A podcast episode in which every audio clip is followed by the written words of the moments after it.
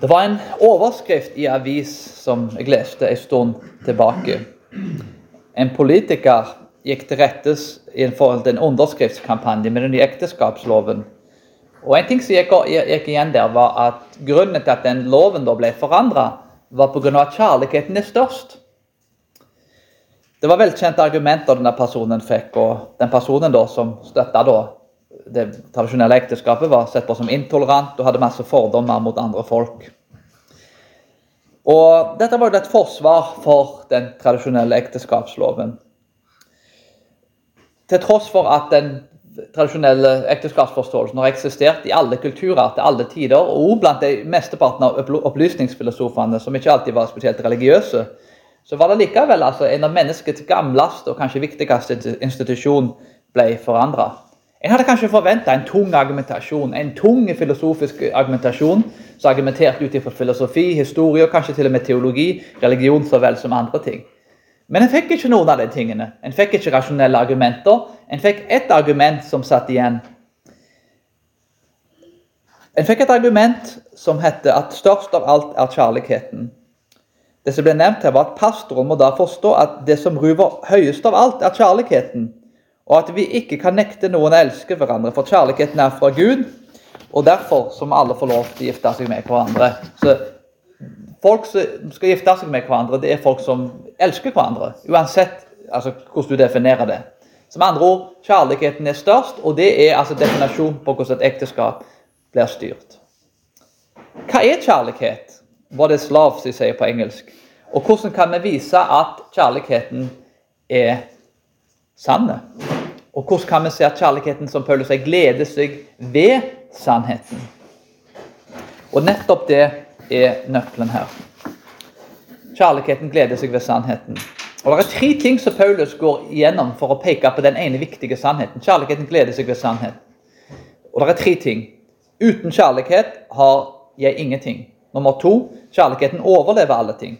Og nummer tre kjærligheten setter evigheten inn i livet.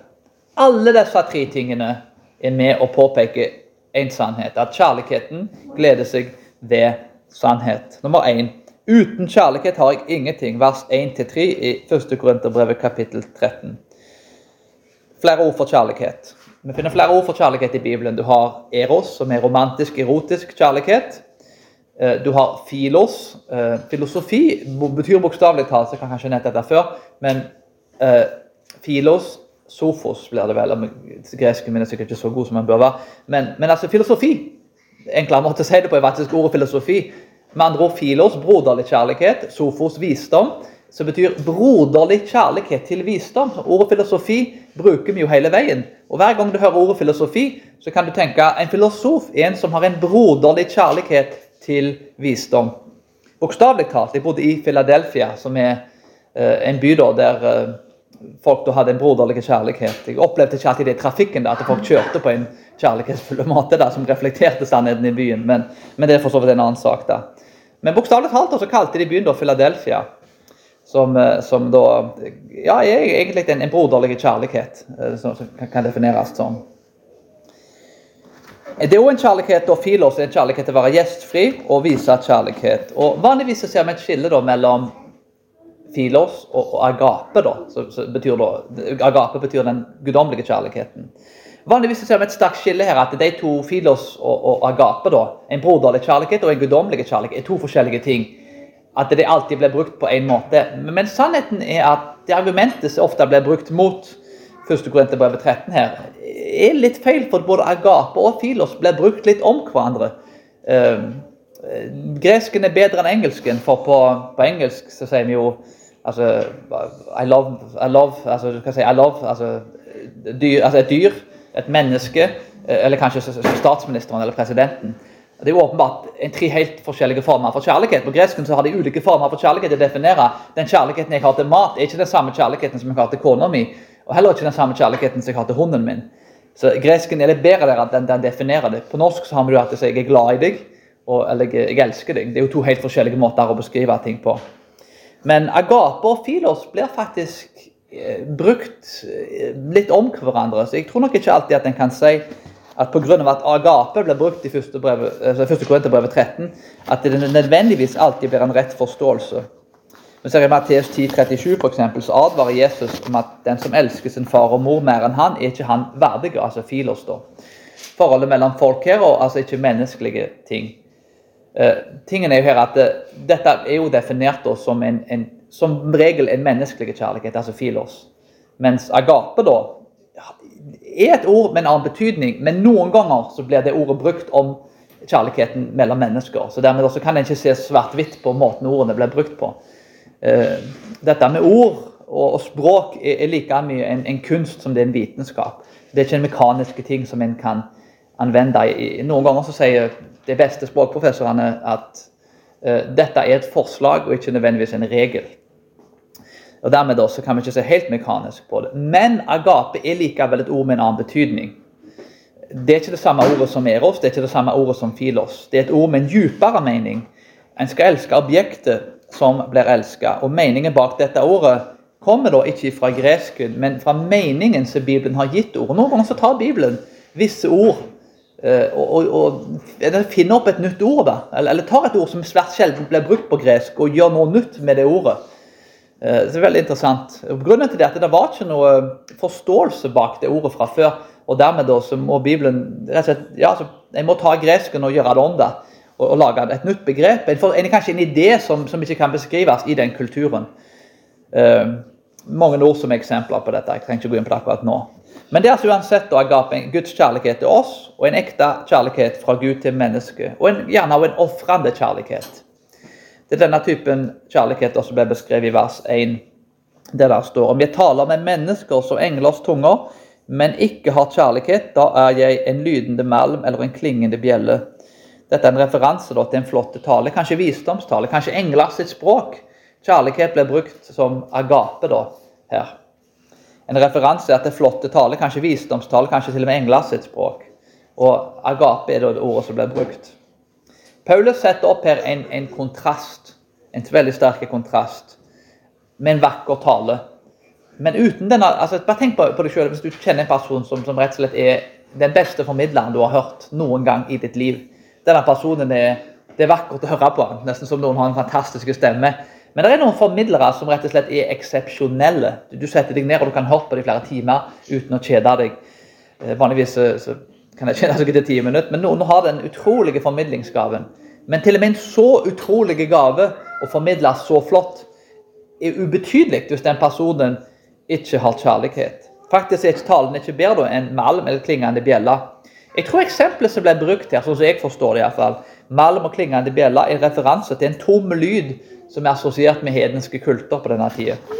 Språk skal bygge opp samfunnet, ikke med uintelligente og klingende ord, men med, med intelligente ord som, som, kan være forståelig for både hjerte og hode. Eh, hedenske tilbedelsen har en tendens til å produsere eh, mantra.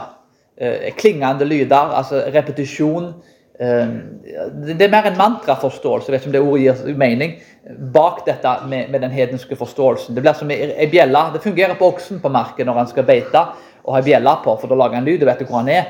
Men, men, i tilbedelse så har det ikke den samme funksjonen. Du, du, skal elske Gud med ditt sinn og ditt hode så vel som med ditt hjerte og resten av oss. Vers 2. Kjærligheten er større enn profetisk gave. All kunnskap, hemmelighet og tro, og det flytter fjell. Og men ikke har kjærlighet, så har han ingenting. Og Kontrasten fortsetter. Tenk om du kunne knipse, flytte et fjell. Du hadde vært en gud om du kunne gjort de tingene. Men allikevel er kjærligheten til og med større enn det. Det er ingenting å flytte et fjell hvis kjærligheten ikke eksisterer. Så Det viser jo at samme om en, ja, men den rikeste personen på planeten har all makt på planeten, er verdensdiktator, eller hva enn det er, har en ikke kjærlighet, så er det totalt ubetydelig. Paulus setter opp ganske radikale og store kontraster her. I vers 3 fortsetter han. Og gir alt han eier til det fattige, men ikke har kjærlighet, og gir legemet til å bli brent, og ikke har kjærlighet, så gagner det meg ingenting. Som andre ord, Om du kan utføre en god handling og bli brent til og med, de reformaterne som ble brent på bålet, hvis de gjorde det uten kjærlighet, så var det faktisk uten betydning. Å bli en martyr til og med kan, uten betydning. Når jeg går ut ifra at de reformaterne gjorde dette av kjærlighet for Guds ord og for Gud. og dermed også var det av betydning. Men det var kjærligheten som drev alle disse handlingene. Og hva er det her som er den åndelige oppførselen som står beskrevet? Det er ikke nådegaver, men hvordan en da behandler andre mennesker og det en gjør. Å elske Kristus som andre er det som er, det som er åndelig her. Uten at noen har en ekte kjærlighet til andre mennesker, så er alt forgjeves. Uten agape, da, Guds kjærlighet til mennesker, så har han altså ingenting. Ingen verdens ting. Og den kjærligheten, agape-kjærligheten fra Gud til mennesker, den påvirker alt annet og, og gir visse frukter. Et godt tre gode frukter. Godt jordsmonn, god gjødsel, så har du så forhåpentligvis mye epler på treet eller andre frukter. En person som jeg har stor respekt for, er onkelen min. Han er en, uh, Onkel og tanten min var misjonærer i Kongo i, i, mange år. og Han bodde i bushen i mange år, brukte kirka, forkynte evangeliet på swahili. Og En ting som har sittet igjen hos meg av noe det han sa, var at i bushen Han er veldig musikalsk, han fanger opp dette med musikk mye bedre enn meg, for han, han har et godt øre for musikk. Og en ting han sa med musikken i bushen, den var veldig primitiv. Ikke bare at folket var primitive. Uh, å bo i en bush er mye vanskeligere enn å overleve, overleve en bush enn, å ha en iPad i, i, Norge i 2022. Så De var sikkert mer intelligente enn de fleste for å klare å overleve på en sånn plass. Med kanskje lite mat og lite ressurser. Så Det var ikke det som var poenget. Men hedenskapen produserte en helt annen type musikk. Mer som en klingende bjelle, mer som repetisjon, mer som en mantra uintelligente ord som var nesten uforståelige. Onkelen min sa at han forventa å, se disse tingene i bushen.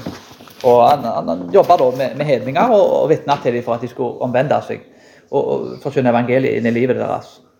Men måten de tilbar på, tilbar kanskje natur så vel som andre ting, produserte en viss type musikk. Det var ikke kanskje spesielt overraskende. Vi forventer kanskje sånne ting på en sånn plass.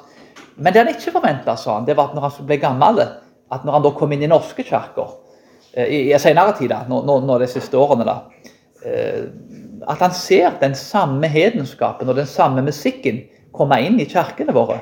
Det var, akkurat, det var nesten som at de hadde gått inn i bushen eh, og henta mye av de avgudene og så tatt det inn i kirka. Så Han har reagert sterkt på, på, det han har sett, utviklingen av musikk bl.a. At det er mye mantra, mye uintelligente ord, repetisjon og alle disse tingene. Ting som egentlig kommer rett ifra hedenskapen. Så musikken, mente han da, har forandra seg og har henta inspirasjonen sin fra hedenske kilder. Jeg vet ikke noe om musikk til å eh, komme med noen sånn avanserte svar på hvorfor det er sånn, men, men jeg syns det var veldig fascinerende at, at, eh, han beskrev det sånn. Det er nesten som at når en ikke har kjærligheten fra Gud til mennesket, så produserer en altså en helt annen type musikk. Det påvirker bare ikke musikken, men det påvirker andre ting. En hedenske kjærlighet og mangelen på den bibelske kjærligheten som vi ser her, produserer også andre typer resultater.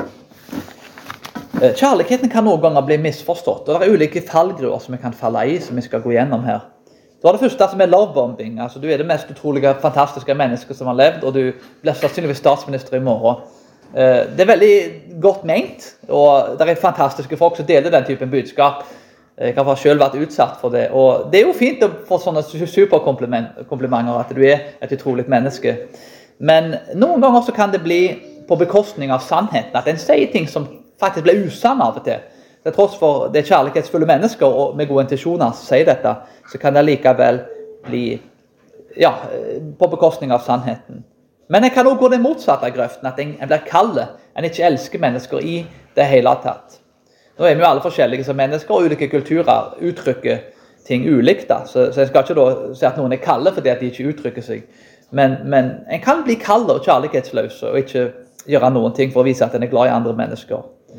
En annen fallgruve er en verdisignalisering, der en da bruker kanskje fattige eller undertrykte som et middel for å berike seg sjøl, og kanskje for å vise at jeg jobber for han fyren. Mens egentlig så, så, så en gjør det egentlig for sin egen del. Det blir brukt som en markedsføringsteknikk for å vise at jeg hjelper den fattige, men egentlig så vil jeg bare at andre skal tenke at jeg er en god fyr, jeg er en snill og kjekk kar som gjør masse gode ting i samfunnet.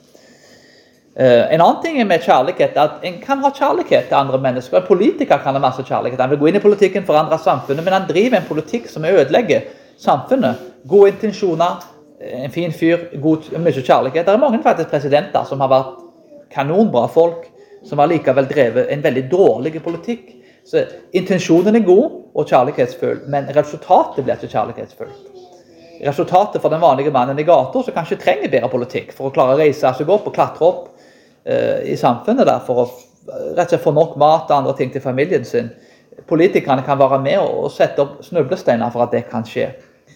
Så Det må være en sannhet. altså Kjærligheten må være balansert med sannhet. og Det kommer jeg litt inn på etterpå. Så Kjærligheten må bli vurdert ut ifra hva som ender opp med å elske Gud elsker vår neste som seg sjøl. Og hva som faktisk ender opp med å gjøre gode ting for folk. Kjærligheten må bli vurdert ut ifra hva som faktisk ender opp med å hjelpe folk. Det er noen måter som en kan tenke om kjærligheten på. Og Det bringer oss til det andre punktet. Kjærligheten overlever alle ting i vers 4-7. Paulus fortsetter som før å beskrive kjærligheten sine passive kvaliteter. Kjærligheten har mange gode kvaliteter. Den er tålmodig i vers 4 og velvillig. Kjærligheten misunner ikke, kjærligheten skryter ikke, den blåser ikke opp. Og Misunnelse var det nok av i Korint, og det eksisterer også i dag. Det er en svært viktig ting her at uh, i Korinterbrevet så ser vi at det var krangling og stridighet om dette med nådegaver. Og jeg kan nesten si i hvert fall, ut fra min erfaring, at dette med misunnelse er kanskje et av menneskets sterkeste drifter. Kommunismen som Det var ikke så lenge siden kommunismen falt, men i 1990-1991 så falt jernteppet. 1917 starta han. Drepte 100 millioner folk. Og misunnelsen, altså misunnelsen var si, drivkraften bak kommunismen. Det var selve drivkraften. Ikke så I Korint tror jeg ikke de drepte hverandre, da, heldigvis. Men her har du altså et system som påvirker en tredjedel kanskje av verden som i stor grad var bygd opp på han har mer enn meg, han har undertrykt meg, derfor må vi drepe han. Bokstavelig talt da, så var det sånn det ble praktisert. Et forferdelig system å leve under. Hadde du fulgt budet om ikke begjære, så hadde det ikke eksistert kommunisme. Så Det var et system politikerne utnytta det og gjorde folk sinte og misunnelige på andre. Og til slutt fikk alle det helt ulevelig som et resultat. Ordet som ble brukt her faktisk om stridighet, er faktisk god arroganse. Og dette med misunnelse kan faktisk også lede til arroganse og så vel som andre ting. Kommunismen er et godt eksempel på det. Vers 5. Den som gjør, altså ikke gjør noe usømmelig, søker ikke sitt eget, blir ikke bitter og gjemmer ikke på det onde.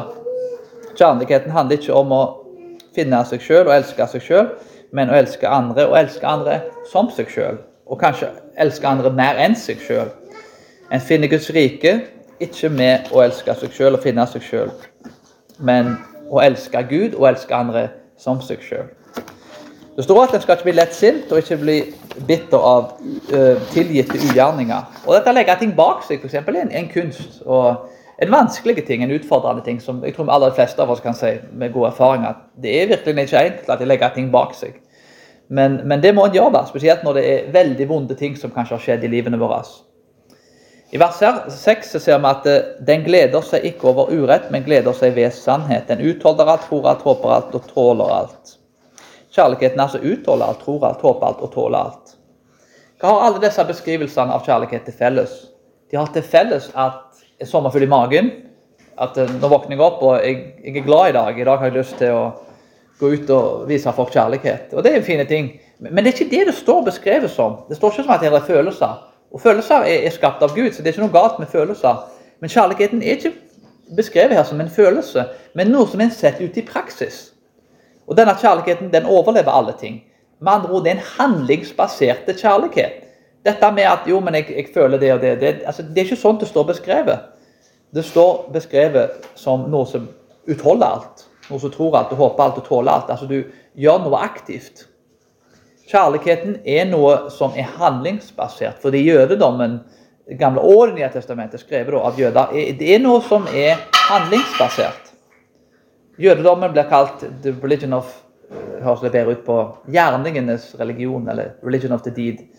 Uh, jødedommen vektlegger dette med mitzvah mye. at du, Et bud, ting som du må gjøre, da, ting som er en positiv ting å gjøre. Uh, nå skal vi ikke bli loviske, det er ikke det jeg prøver å si her.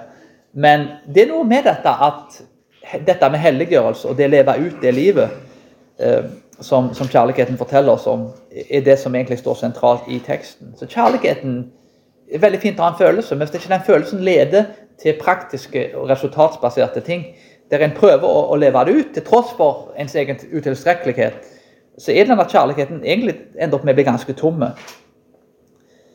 Og Vi lever i en tid i dag der det er veldig mye snakk om kjærlighet. Men i lys av dette her da, så er det lite snakk om sannhet.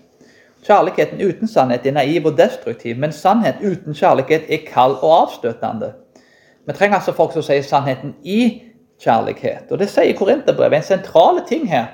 Hver gang dette ble sitert i den sammenhengen som vi nevnte tidligere, så er det svært sjelden noen siterer 'kjærligheten gleder seg ved sannhet'.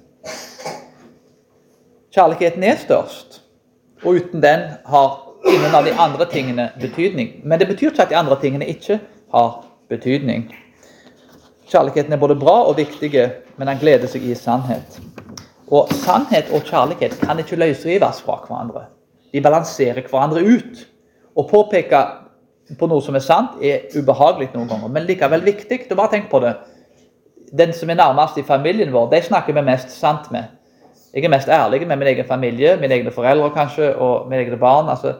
Og det er jo ikke pga. hat, det er pga. ekte kjærlighet. En, en, sann profet forteller deg sannheten, til og med når han betaler en dyre pris for det.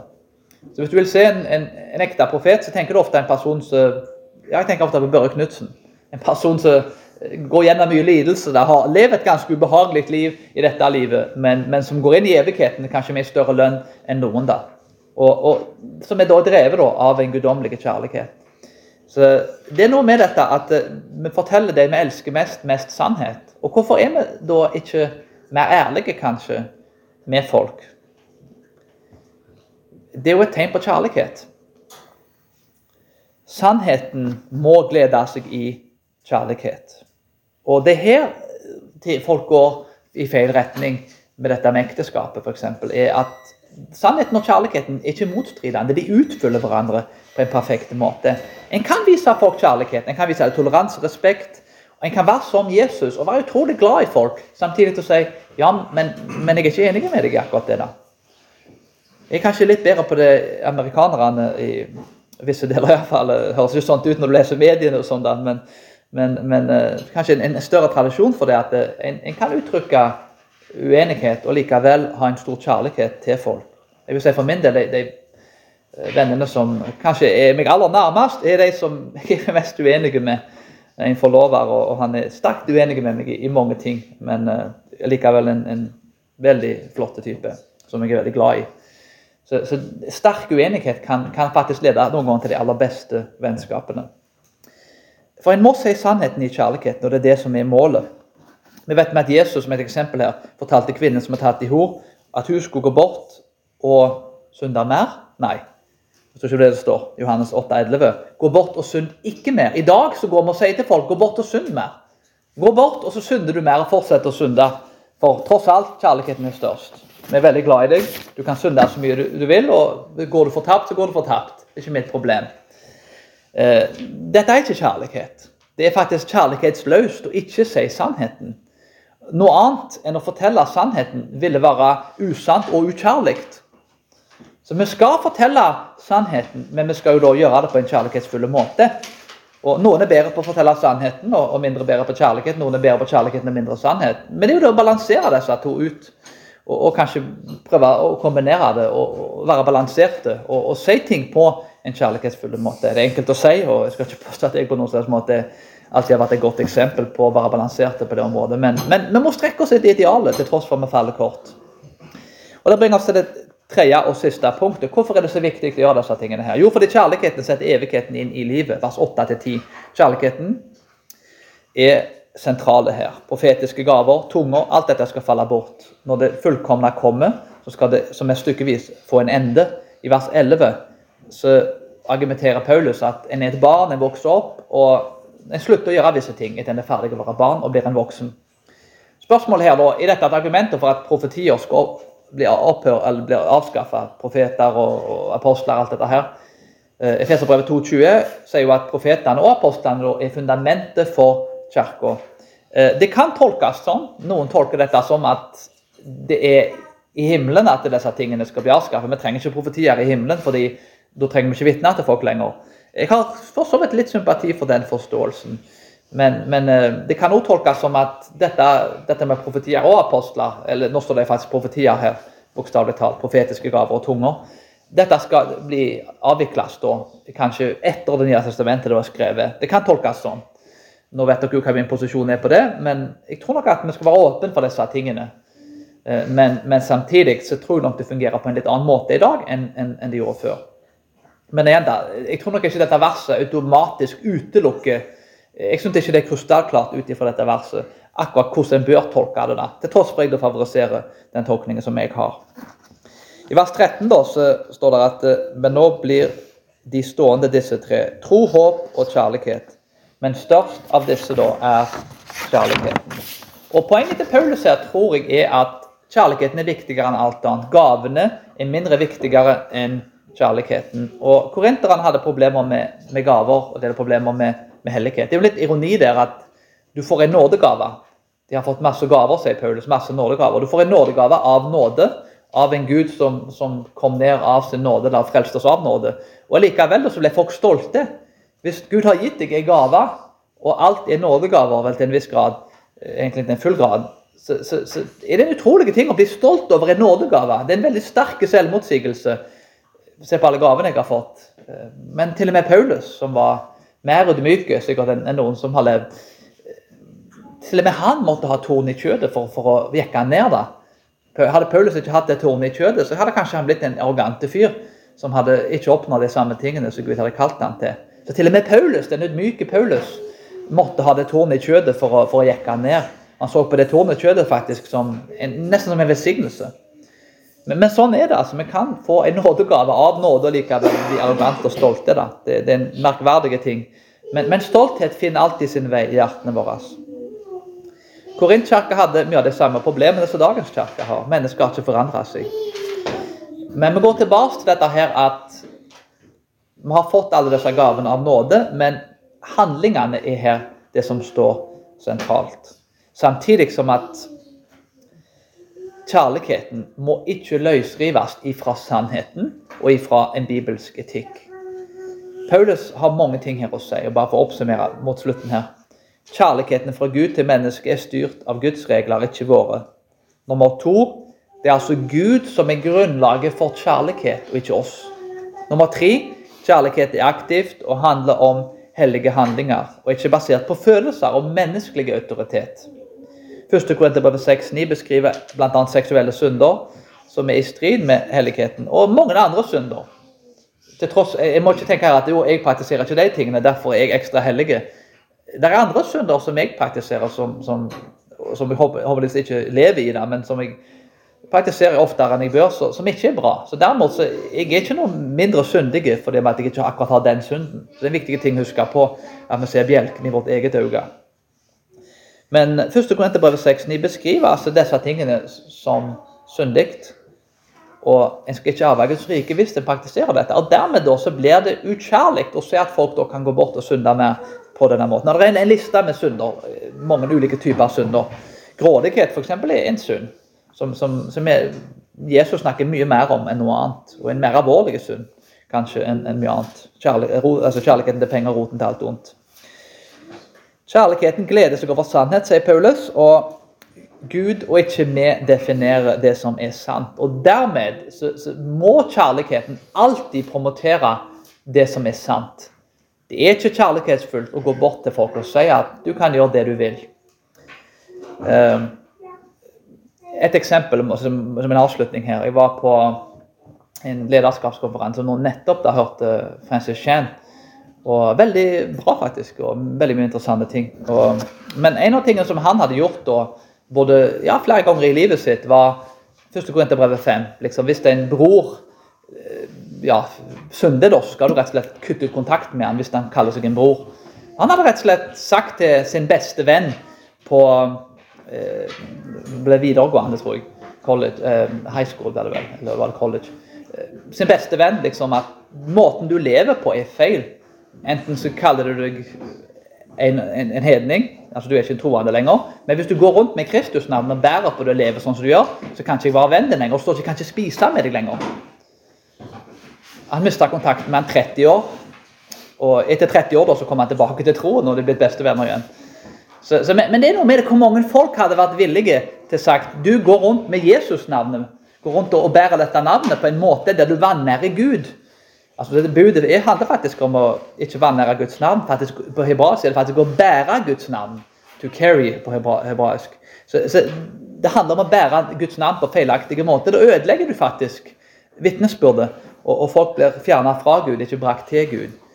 Men, men, men tenk å, å, ta en sånn flere ganger i livet ditt, ta en sånn radikale stance da, der at du faktisk er villig til å si 'Jeg elsker deg'. Jeg elsker deg så mye, men, men jeg kan faktisk, jeg skal følge første grunn til brev 5. Og jeg, jeg, jeg, kan ikke Please, omvend deg. Jeg vil ha et forhold med deg. Jeg er glad i deg. Jeg, jeg, håper vi kan være venner resten av livet. Men hvis du fortsetter å leve sånn, og er en kristen, så, så må jeg beklageligvis følge Bibelen. Jeg må følge sannheten. Og mange tenker at dette var kaldt. Dette var kjærlighetsløst. Tenk å gjøre noe sånt. Å kutte ut kontakt med en kar som levde ugudelig som en kristen. Nå var dette alvorlige ting. Da. Det var liksom ikke at han, forsov seg en morgen. eller noe sånt. Det var ikke, var ikke sånn liten ting. Det var åpenbart ganske alvorlige ting. Men det vil jeg si var en kjærlighetsfull handling. Jeg skal ikke si at jeg hadde klart å gjort det sjøl. Kanskje jeg hadde vært for svak til å gjort noe sånt. Men, men, men, men, det er altså en bibelsk og en kjærlighetsfull handling å si til folk Please, omvend deg. Jeg elsker deg. Jeg er utrolig glad i deg. Du er en utrolig, ja, altså, Gud vil store ting for livet ditt, men du kan ikke fortsette sånn som du gjør. Og det blir konsekvenser for deg hvis du ikke gjør det. Det er et eksempel på sannhet og kjærlighet, hvordan det kan se ut i en sammenheng. Det sjette er jo da at eh, kjærlighet, i motsetning til nådegaver og alt annet, de går inn i evigheten. Mange av de tingene som vi gjør Vi kan lese store teologiske verk jeg er veldig glad i å lese sjøl, men disse tingene går kanskje ikke inn i evigheten på samme måten som kjærligheten. Det er én ting som vi bør bli kjent for, og det er kanskje dette med kjærlighet. Francis Schaeffer er jo et eksempel som jeg ofte nevner. Francis Schaeffer var en veldig lærd fyr, og en fyr som var en god del mer intelligent enn folk flest. Han hadde alle svarene og alt dette her. Men det er Francis Schaeffer, de som kjenner Schaeffer, og jeg har snakket med mange som har blitt konvertert gjennom hans tjeneste, han var mest kjent han Edith Schaefer, mest kjent for en uimotståelig kjærlighet og, og, omsorg for sine medmennesker rundt. Det var en større trosforsvar, en større apologetikk, enn det mannen hadde oppi hodet sitt. For han hadde mye oppi hodet sitt som var veldig smart. Men det var mannen var rett og slett mye viktigere og bedre enn det han hadde å si. Vitnesbyrdet hans var han og hun, og måten de elska folk på, og måten de levde på. Det var et større vitnesbyrd enn alt han sa. Og det, det sier folk som er professorer i apologetikk, professorer i trosforsvar, sier at det var hans største trosforsvar. Kjærligheten går inn i evigheten, og det er en grunn i seg sjøl til å vektlegge og praktisere det. Kjærligheten er tålmodig, han er ikke misunnelig, han blåser seg ikke opp, han gleder seg i sannhet og tåler alt. Men det er et problem. Det er ikke alltid jeg gleder meg i sannhet. Det er ikke alltid jeg snakker kanskje fullt så sant som jeg burde. Noen ganger så kan jeg være oppblåst og kanskje tenke tanker som jeg ikke bør tenke. Og sånn er det. Vi gjør ikke alltid det vi skal. Vi strekker ikke til på noe som helst måte. Vi faller kort hver dag for disse tingene her. Men heldigvis så var det en Gud som kom ned og gav sin sønn den enbånd at hver den som tror på han ikke skal gå til fortapt, men ha evig liv. Og han praktiserte den kjærligheten, den guddommelige kjærligheten fra Gud til mennesket på en perfekt måte hver eneste dag, hvert minutt, hvert sekund. Det var ikke et sekund der Jesus tenkte feil tanker. Det var ikke et sekund der han synda. Og på grunn av at hans verk og hans vilje ble fullbrakt, så kan vi hvile i det at vi trenger ikke være perfekte, men vi kan hvile i at det han var perfekte. Det er han som forvandler hjertene våre. Og uten hans kjærlighet har vi ingenting. Den kjærligheten som han har gitt oss, overlever alle ting, går inn i evigheten. Han går inn i evigheten. Det, er en utrolig tanke. Alt jeg eier, kommer ikke til å gå inn i evigheten. Men forhåpentligvis så, så vil jeg ha en kjærlighet, og så vil jo alle ha en kjærlighet og som vi vil ta med oss inn i evigheten. La oss be.